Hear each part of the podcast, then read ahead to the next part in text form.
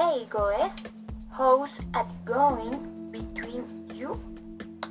With be real had a lot of problems. Yes, we have tried to resolve our conflicts, but our dialogue and tolerance is not very good.